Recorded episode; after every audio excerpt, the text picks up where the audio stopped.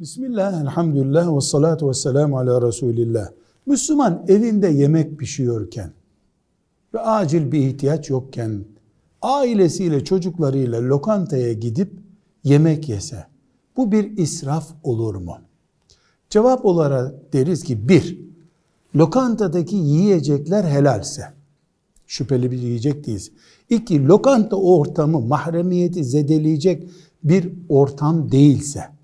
Üç, kişinin bütçesi, gelirleri bu lokantadan dolayı elektrik faturası ödemeyecek şekilde, borçlarını ödemeyecek şekilde sarsılacak bir durum söz konusu değilse ve dört, bununla ibadetleri ve insani görevleri aksatacak bir vakit zayiatı yapılmıyorsa, evde yemek yemekle lokantada yemek yemek arasında bir fark yoktur.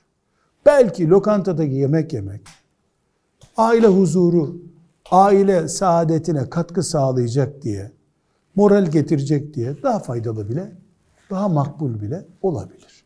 Velhamdülillahi Rabbil Alemin.